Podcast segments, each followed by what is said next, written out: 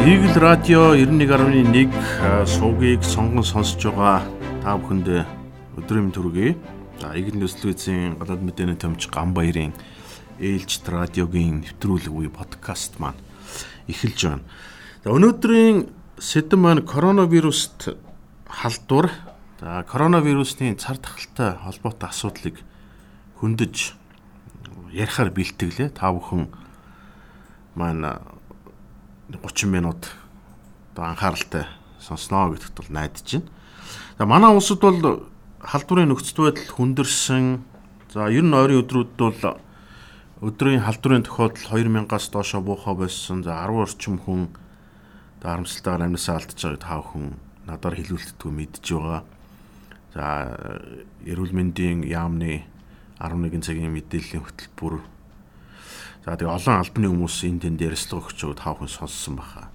За өнөөдрийн ярилцлагаараа ер нь дэлхий даяар коронавирус цар тахлын нөхцөл байдалтай холбоотойгоор ойрын өдрүүдэд гарч байгаа зарим мэдээллийг бол тав хүндээ онцлохыг хүслээ.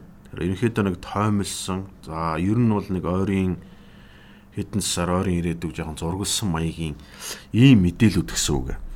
За хөтөлбөрийн ихэхэнд тав хүндээ Өнө яг өнөөдрийн байдлаар коронавируст халдварын тохиолдол нас оролтын одоо дэлхийн тоо байнтыг бол хэлье. Тэгээ тав хүнж маань өөрсдөө мэдж байгаа дэлхийд даяар коронавирус цар тахалтай бол ий тэмцэж байна. Дархлаажуулах хөтөлбөр үргэлжилж байна. Хүн ам одоо вакцинд тодорхой хэмжээгээр хамрагдаж байна. Тэгээ байнга ховсож өөрчлөгдөж байгаа тоо учраас За яг өнөөдрийн энэ даваа гарагийн байдлаар Johns Hopkins их сургуулийн датаг өнгөрсөн жилийн хугацаанд ашиглаж байна. За Johns Hopkins их сургуулийн онлайнын дата мэдээллээр дэлхийн хэмжээнд 178 сая 491 мянга гаруй тохиолдол а бүртгэгдээд байна.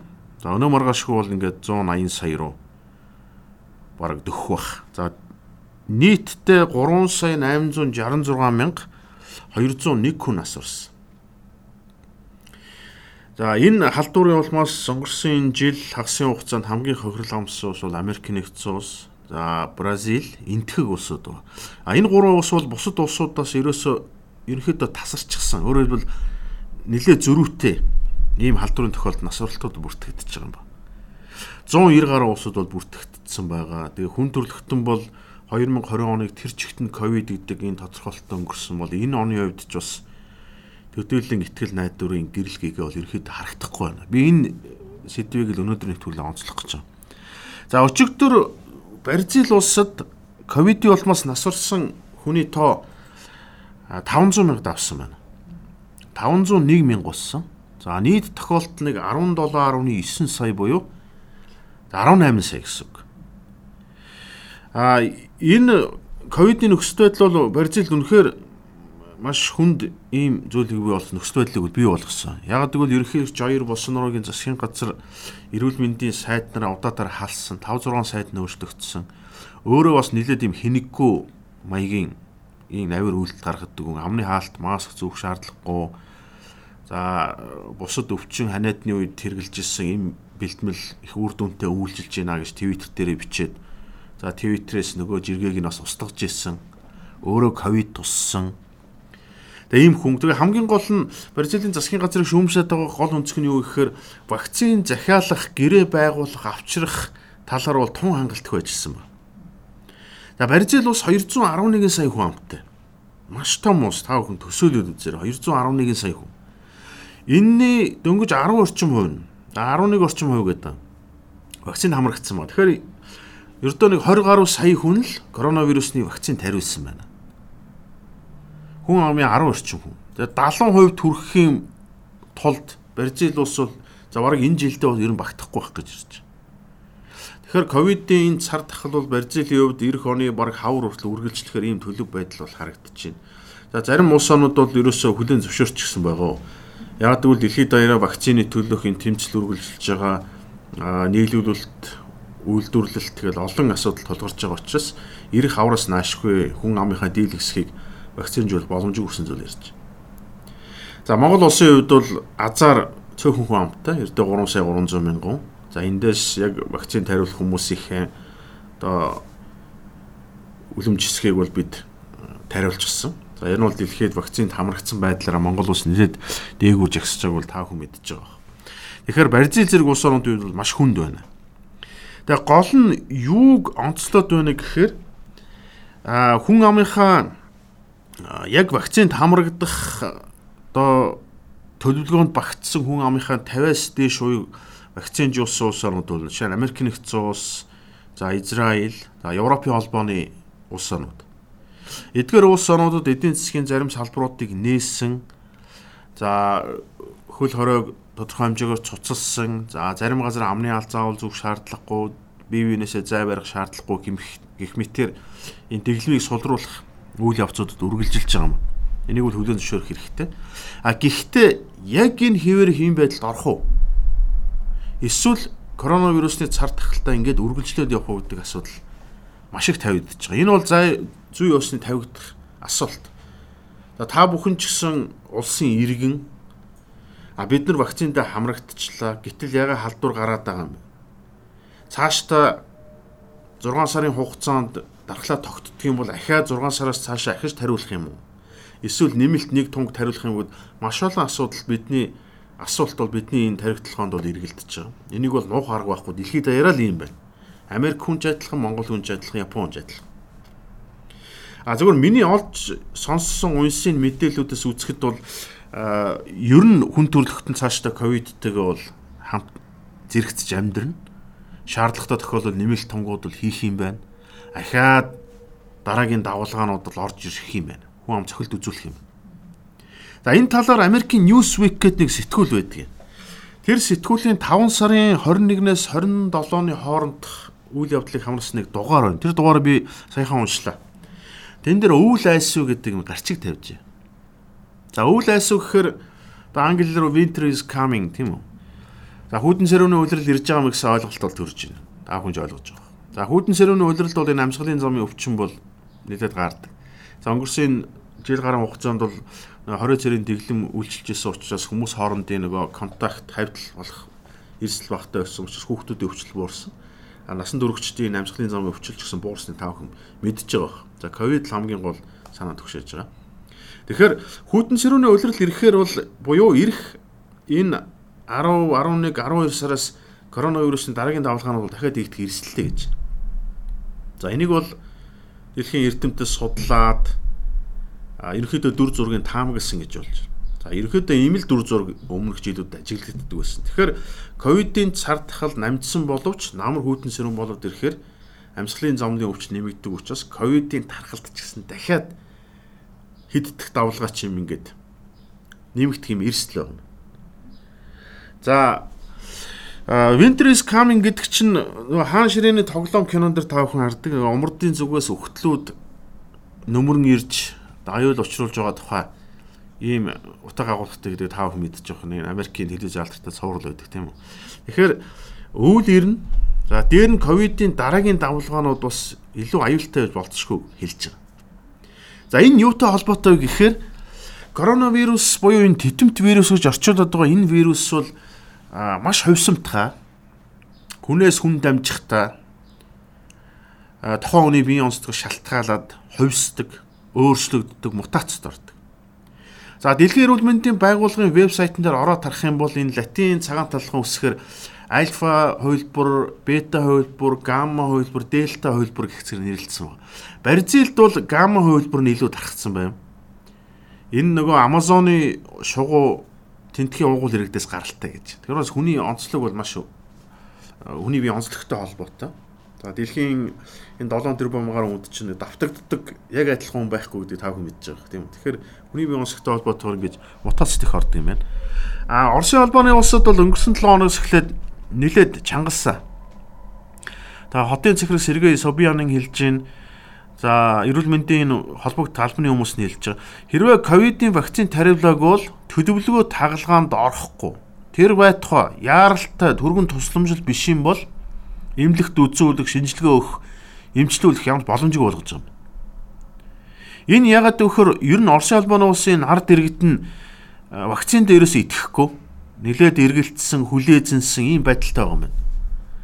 Оросын албаны улсын энэ хүн амын ердөө нэг 10 гаруй хувийн л коронавирусны вакцин тариулсан гэж. За Sputnik V гэдэг энэ вакцин бол манад хүртэл орж ирсэн. Манад болохоор Орос вакциныг за ер нь их найдвартай гэж бодож байгаа Орос вакцинаа тариулна гэсэн ийм санаа сэтгэлд ард иргэд байгаа бол та бүхэн мэднэ. За энэ бол хувь хүний сонголт. Нэгэнт сонголтыг өгж байгаа учраас Хятадд тариулна, Оросод тариулна, Америк зоолгоно, AstraZeneca-г тариулна тухайн хүний ойлголтоо. Оросд болохоор өөрсдөө вакцинд төдийлөн тэм ихтгэлтэй хандахгүй байгаа. Тэгээд 10 орчим хүн. Тэгээд үүнийг нь ерөнхийлөгч Владимир Путиний хэвлэлийн төлөөлөгч Дмитрий Песков хэлсэн байлаа. Ард иргэдээ одоо нийтмийн эрүүл мэндийн төлөө хариуцлагатай сонголт хийгээч, вакцинад хариулаач. Манай улсад дельта гэдэг энэтхэгээс гаралтай нь хувилбар нь ороод ирчлээ. Ерөөсөө маш хурдан халдж байна. Амны халт зүгээ зай барьсан ч гэсэн тодорхой хэмжээгээр маш хурдан халддаг ийм вирус халтамтгай гэсэн. Тэгэхээр Оросын албаны хүмүүс бол яг ийм байдлаар уриалж эхэлж байна. За эмнэлгээр нь чангалж эхэлсэн. Дараа нь хувийн компаниуд уриалга гаргасан байна. Хэрвээ танай ажилтан ямар нэгэн хязгаарлах заалтгүй хэдий ч вакцин тариулааг бол цалингаас нь хасч болно. Энэ хөдөлмөрийн янз бүрийн хууль зөрчсөн гэж үзэхгүй гэсэн юм зүйл ирж. Тэгээ цалин мөнгөтэй холбоотой асуудал яриад эхэлж байна. За Орос бол яг харахгүй энэ халдвар бол нэлээд бүртгэгдэж байгаа хамгийн том гол нь Москва хот. Монгол Улаанбаатар болж байгаатай адилхан. Дасар том 20 сая гаруй хүн амтай жижиг дүүрэг дагуул хотуудад тоотох юм бол 20 сая хүн амтай Европын хамгийн том хот. Тэгэхээр Москвад бол нэг юм хязгаалтын зүйлүүд бол хэрэгжээд за бараг шийтгэл гэмээр ийм дүрм журмуудыг бас санал болгож байгаа юм байна. За Оросын холбооны улсад өнөөдрийн байдлаар нэг 130 гаруй мянган нас орсон юм а. А гэхдээ энэ тоо яг бодиттой хэсэгтэр бол албаны хүмүүс нь бол өөрсдөө бас эргэлцсэн тийм тайлбар өгч байгаа юм. Юутай холбоотой гэхээр одоо илүүд л үхэл гэж байдаг. За энэ бол э, энэ эрүүл мэндийн салбарын л ойлголт. Өөрөөр хэлбэл 2019, 18, 20 онд нас барсан хүмүүсийн тоог а одоо 20 оны нас баралтыг өмнөх жилүүдтэй харьцуулцдаг гэсэн. Тэгэхээр ерөнхийдөө тухайн үеийн тухайн хүн амын донцлогтой шалтгаалаа заавал дайн тулаан олон хүн амнасаа алдсан тийм тахал гарахгүй бол ерөнхийдөө дундажаа бариад явд юм байна. Гэтэл өнгөрсөн 2020 онд Оросын холбооны улсад өмнөх жилтэй харьцуулах нь 340 мянган орчим хүн илүү тооны хүн нас орсон байна. Тэгээ үүнийг Оросын статистикийн албаныхын эрүүл мэндийн байгууллагын юу гэж үзэж байна гэхээр өнгөрсөн онд зүрх судасны, за бөөрийн дутагдал, за эсвэл намсгалын замын өвчнөөр нас орсон хүмүүсд ковидоос ковидын улмаас нас орсон байж бол магадгүй юм байна гэдэг. Ийм ерхий багцаатаа гаргасан. Ингээд үзэх юм бол Оросын холбооны улсад бараг 280 мянган орчим хүн нас урсан байх магадaltaй гэсэн ийм тоо гаргаж байгаа. За Оростой холбоотойгоор үл ийм байна. Мэндэж манай хойд төрш дельта хөлбөр нь ороод ирсэн. За Монголд ч гэсэн ороод ирсэн байхыг бол үгүйсэх аргагүй. Яг гэвэл халдвар маш эрчимтэй нэмэгдэж байгааг та бүхэн мэднэ. За тэр өвөл ирж байна гэдэг нийтлэлээр нэг дурдсан агуулга нь юу гэхээр нэгэнд ковидтойгоо бид зэрэгцэн амьдрна. Дахиад давлгаанууд ирж цохино гэдэг нь тодорхой. Ерөнхийдөө зураглыг гаргацсан. Тийм учраас хоёр тунга за эсвэл нэг тунга тариулсан ч гэсэн ирээдүйд бустер буюу нэмэлт одоо тун тариулж магадгүй гэсэн ийм зүйлийг бол анхааруулж байгаа юм. Тэгэхээр бид тайвшрах болоогүй. За ялангуяа энэ сүүлийн үед нийгмийн сүлжээ, интернет, ард иргэдийн дунд ч гэсэн наадмыг заавал хийгээд авах ямар шаардлага байхгүй ийм өндөр халдвартай үед бол халдвар тарих эрсдэл бүрдүүлнэгээд ард иргэд нэлээд эсэргүүцэж байгаа эсэргүүцэж байгаа нь үнэн. За энэ талаар бол энэ албаны хүмүүс нь өөрсдөө юм нэг шийдвэр бол гаргах бах. За албаны хүмүүс биш учраас юм хариулт боломжгүй. Тэгээ гол нь бол энэ намар хүйтэн болно. Ер нь цаашид ч гэсэн энэ вирустэйгээ бид тулалднаа гэдгийг л тэр албаны хүмүүс хэлсэн. За энэ сэдвтэй холбоотойгоо нэг зүйл юу ярьсан бэ гэхээр Өнгөрсөн 1 жил 6 сарын хугацаанд дэлхийн 190 гаруй улсад зарим улс орнуудын нутаг дэвсгэрт ковидын тохиол бүртгэгдлээ. Дэлхийн хэмжээний цар тахал болсон дэлхий бүгдээрээ хохирол амссан. Бүгдээрээ энэ өвчин туссан, эдгэрсэн, вакцинд хариулсан гэж. Аа тэгвэл өнгөрсөн онд Аз намхан далайн бүс нутгийн нэлээд хэдэн улсыг дэлхийд даяараа үлгэр дуурайл болгож ирснийг та бүхэн санаж иж магадгүй. За манаас дөнгөж хөлөөрөө тогтоож исэн, гадаадаас халдвартай хүмүүс орж ирж исэн, нийгэм даяарал бухимдсан, айсан төгссөн ийм урамшилтай байсан. Бид энэ бүхний даваа туулсан. За тэр үе зарим улс орнуудыг бол дэлхийн эрүүл мэндийн байгууллага нэлээд сайшааж үнэлж ирсэн юм. За дандаа Аз намхан талын бүс нутгийн улс орнууд. За та бүхэнд одоо нэрлэе. Бид бүгдээрээ сайн мэднэ. Өмнөд Солонгос, Япон, Тайван, Вьетнам, Хонконг, Сингапур, Австрали, Шинэ Зеланд гэдэг. Аз номхон далайн бүс нутгийн. За монголчууд ч гэсэн олноороо зочдөг юм орнууд. За эдгээр улс орнууд яасан бэ гэхээр за дийлэнх нь тав хүн харж байгаа бах. Дийлэнх нь бол нөгөө арлын улсад. Их газартай хуурай газраар барыг холбогддгоо. А хоёр л аргаар очино. Нэг бол ус онгоцоор явна. А нэг бол а нисгэн онгоцоор очино. За супермен шиг нисэд очтгол юм бол ийм газар зүйн онцлогтой болсон. Тэгэхээр энэ улсууд өнгөрсөн жил ягаад амжилттай байсан гэхээр хамгийн түрүүнд хилээ хаасан. Дараа нь иргэний агарын тээврийн бүх нислэгүүдийг зуцсан. За ингээд хуурай замаар бомтуудаар ороод ирэх боломжгүй болцсон. Тэгэхээр дотоодтой халдварыг бол маш сайн барьж чадсан ба. За дараа нь халдвар энэ хавьтлуудыг олж илрүүлэх холбоо тогтоох чиглэлээр маш сайн ажилласан. Ялангуяа өмнө Солонгос. Нэг сүмийн цуглаанд оролцдог эмэгтэй Солонгос дээр баахан халдвар тараасны таавг санаж аваад хойд нэлээд шогж ирсэн.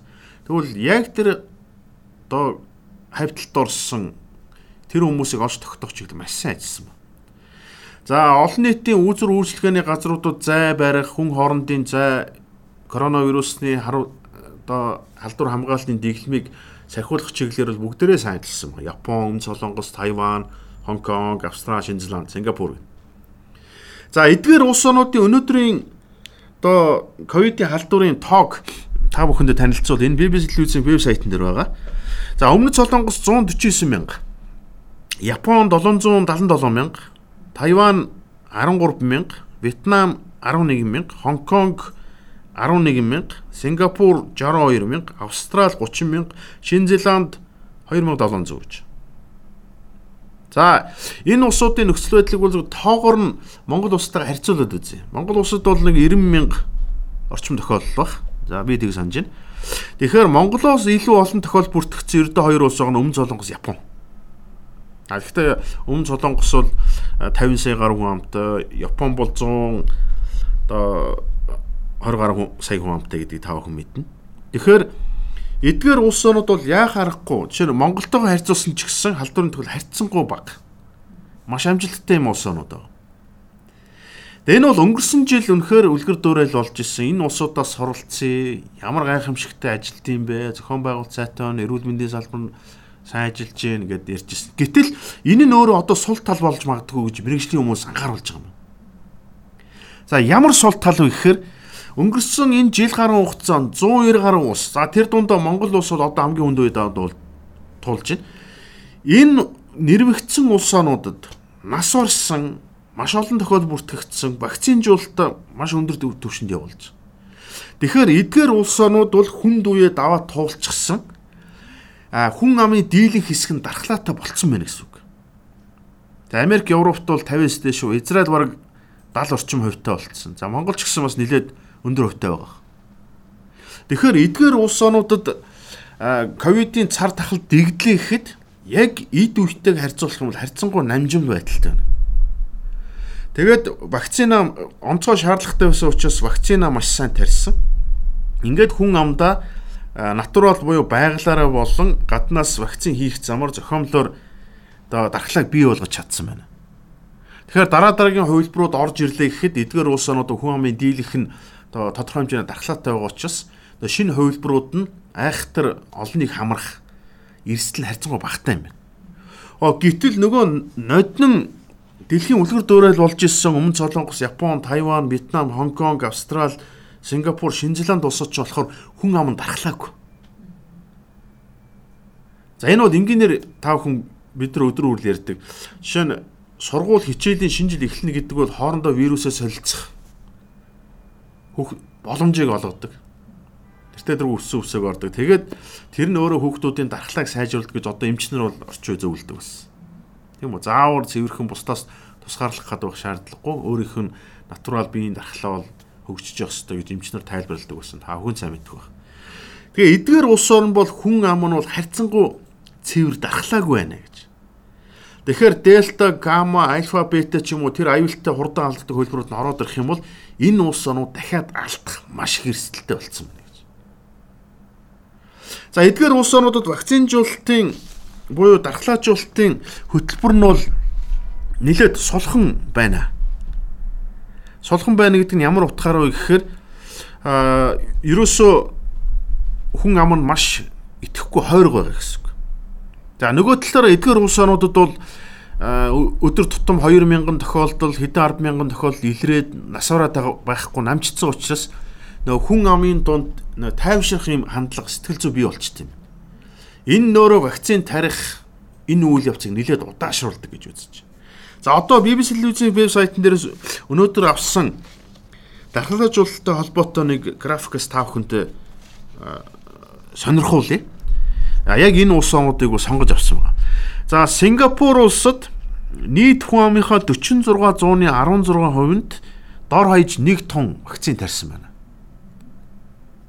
Дор хаяж 1 тонн гэж байгаа шүү. Яг бүрэн 2 тонноо тариулсан хүн бол биш. За нэг ямар ч байсан тариулсан гэсэн. Тэгэхээр 46% гэсэн. А хамгийн өндөр хувьтай. За 46% гэдэг бол баг Монгол улсаас доогуур явж байна. Өмнөд Солонгос 24%. Хонконг 23%, Австрал 20% гэж. Япон 15%, Шинзланд 11%, Тайван 4%, Вьетнам 1.6% гэж.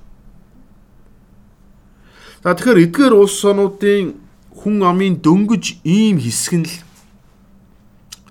нөгөө дархлаажуулалтад хамрагдсан байгаа гэсэн үг. Өөрөөр дархлаагүй байна гэсэн үг. Үлдсэн хэсэг. Тэгэхээр эдгээр улс онууд дахиад алдах юм бол а илүү аюултай хурдан халддаг хувилбарууд нэгэнд мутацд ороод гараад ирсэн тогтогдсон учраас маш хүнд байдалд орно. За энийг л нөгөө өвөл ирж гин аюул гам шиг бол дуусаагүй дахиад дийдэх магадaltaй гэж ирж. За яг л далаан давуулгаа шиг нэг давуулгаа нь ирж зөхөөл дараагийнх нь ирээл нэг ийм үйл явц үргэлжлэнэ гэсэн утгаар ярьж. Сингапур л ердөө 46% нь дархлаажуулсан байна. За бидний банк зарчдаг Өмнөд Солонгос, Япон, Австрали гэдэг улс орнууд бол ерөнхийдөө нэг 20 орчим хувьтай, Японыг 16 орчим хувьтай. За яг энэ утгаараа Японы ард иргэд бол энэ олимпийн наадмыг маш хүчтэй эсэргүүцэж байгаа. 60 70% нь санал асуулга явуулсан чинь олимпийн наадам бол хэрэггүй. Японы хүн амд энэ коронавируст цардахал хохирол амсуулах эрсдэлтэй учраас үүнийг ер нь болилчоо гэдэг ийм байр суурьтай юм байлаа. Гэхдээ өнгөрсөн онд болох ёстой байсан энэ олимпийн наадмыг нэг жил хойшлуулсан. Тэгээ зохион байгуулахаараа Японы засгийн газар бол ямар ч үсэн эрсдэлтэй ч гэсэн зохион байгуулж дуусгана гэсэн. За 7 дугаар сарын 23-нд эхлэн 8 сарын 8-нд дуусна. Манай телевизүүдийн холбоо албан ёсоор хамтран дамжуулахаар ихийг авцсан байгаа. За энэ бол бас үзэх юмтай гэсэн үг. Гэхдээ нөгөө талаар бол Япон бас эрсдэлтэй байгааг тавих харж. Хүн амынх нь ердөө 16% вакцинд хамрагдсан. Тэгэхээр Японд холбоотой бас нэг мэдээлэл өгөхөөр өнгөрсөн баймгарагт Нарита нисгуудал дээр Угандаг улсын шгшавагийн 9 хүн буулсан чинь нэг хүнээс нь илэрсэн юм. Тэгээд одоо ковидын одоо халдвар хамгааллын журмын дагуу тусгай байранд тусгаарлсан. Тэгэхээр 9 хүн гэдэг маа нэг тамирчид албаны хүмүүсээс нэг цөөхөн хүний бүрэлдэхүүнтэй ирсэн чинь ингээд нэг нь алдчихсан. 9 хүнээс ирэхэд нэг нь гарч байна. Тэгэхээр цааш та нөгөө Оросын холбооны улс, Америкийн нэгдсэн улс За хятад тэгээд маш олон баг тамирчтай өргөн бүрэлдэхүүнтэй улсууд ирэхээр тэр дундаас хэд гарч болох вэ? Тэр хүмүүс нь Япон дотор алдчихвал яах вэ? За ийм эсэл бас гарч байгаа юм. За зуны олимпийн наадмыг бол үзэгч гадаад үзэгч хүлээж авахгүй, таслбар борлуулахгүй, Японы үзэгчтэйг оруулах тухай асуудлыг шийдэгдэг байгаа. За ерөнхийдөө оруулахгүй гэсэн байр сууриас давмгаалж иж магадгүй. Тэгэхээр ерөнхийдөө бид бол зураг телевизээр хоосон цэнгэлт хүрээл нэг албаны хүмүүстэл тамирч дөрсөлдөх ийм тэмцээнийг бол харах юм байна. Ямар ч үсэн зохион байгуулахаар зохион байгуулахаар болсон байна. За өмнө Солонгосод манай бараг 40 орчим мянган иргэн ажиллаж амьдэрдэг. За ковидын сар тахлын вирус олон хүн буцаж одоо ирэх шиг болсон.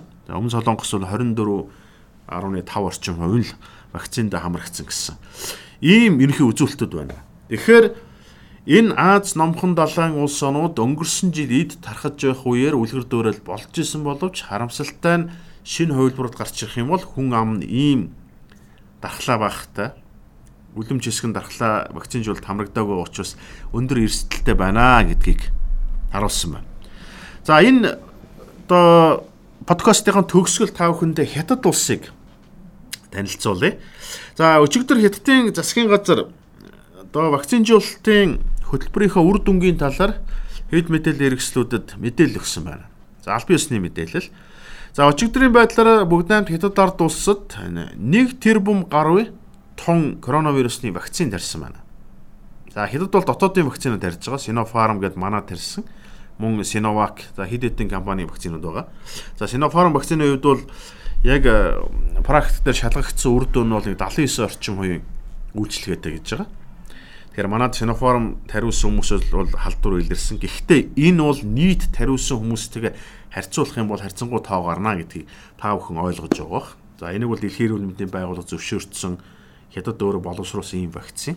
За манай улсын хувьд бас энэ онц шаардлагатай үед хятадын энэ ард түмэн засгийн газар одоо тусламж үзүүлж ингэж вакцина нийлүүлснийг бид бас талархах ёстой баха. Манай бараг экспортын 70 орчим хувийг худалдаж авдаг ийм хөрш маань гэж бол хэлж болно. За тэгвэл хятад улсад тэр бом гаруй том вакцин тарьсан байна. Тэгэхээр 2 том гэж тооцох юм бол 500 сая орчим хүн. За хятад улс 1 тэрбум 400 сая хүн амтай. Дэлхийд хүн амынхаа тоогоор тэргүүлдэг. За тэгвэл 1 тэрбум 400 сая хүнийхээ 40%-ийг 7 сараас 7 сардаа багтааж дархлаажуулах юм зорилго тавьсан. За эндээ хүрэхэд бол тун ойрхон байна. За 40 орчим хувь гэхээр хувьлаад үсэх юм нэг 50 560 орчим сая хүн гэж хэлж болно. Тэгэхээр одоогийн байдлаар 40 орчим сая хүнийг хүнд бол вакцин тарьсан байгаа. Тэгэхээр 7 сартаа багтаад хятад ус хүн амынхаа нэг 40 орчим хувьд бол ямар ч үсэн вакцин тарьчих юм боломжтой байна. Энэ зорилготой өөрхийн төлөө ажиллаж байгаа юм байна. Тэгээ хятад бол анхны голомт болсон. Гэхдээ анхны голомт болсон ч гэсэн 60 сая хүн амтай хот мужийг тэр чигт нь хязгаарлаа карантин тогтоогоод хязгаарлаж чадсан. За халдварын тохиолдолын хувьд бол Монгол улстай нэг ойролцоо тооны ийм халдвар тохиол бүртгэгдсэн байгаа. За нас оролт нь бол нэг 4000 гаруй хүн асуурсан. Тэгээ нас оролт нь бол Монгол улсаас мэдээж хамаагүй өндөр. Ягаад гэвэл ихэнх үедээ бүртгэгдчихсэн нас оролтууд. За тэгвэл хятадын хувьд бол Sinopharm, Sinovac гэдэг үндэсний дотоодын вакцинуудаа тарьж гин. За нэг тэрбум гаруй вакциныг бол ямар ч тарьсан байна. Тэгэхээр энэ халдварын нөхцөл байдал харьцангуй намдсан үед бол манай хоёр улсын хооронд иргэд зорчих, бараа үйлчлэгээ нэвтрэх ийм боломжийг бол олох боломжтой. Тэгэхээр хятад өөрөө хэдийгээр намжаасан ч гэсэн хүн амаа дархлаажуулах хөтөлбөр бол амжилттай хэрэгжиж байна гэдгийг бол онцолжээ. За хөтөлбөрт анхаарал хандус үзэгч та бүхэндээ баярлалаа. За өнөөдрийн энэ радиогийн нэвтрүүлгээр та бүхэндээ коронавирусны халдварын цаг үеийн нөхцөл байдал, вакцин жуулалт, за ер нь ойрын хэдэн сар, ер нь эх жил, ойрын хэдэн жилүүдэд ямар нөхцөл байдал ухтаж ямаа гэдгийг дэлхийн хэвлэлүүдэд онцсныг сонирхоллоо. За дараагийн нэвтрүүлгээрээ иргэн уулзъя.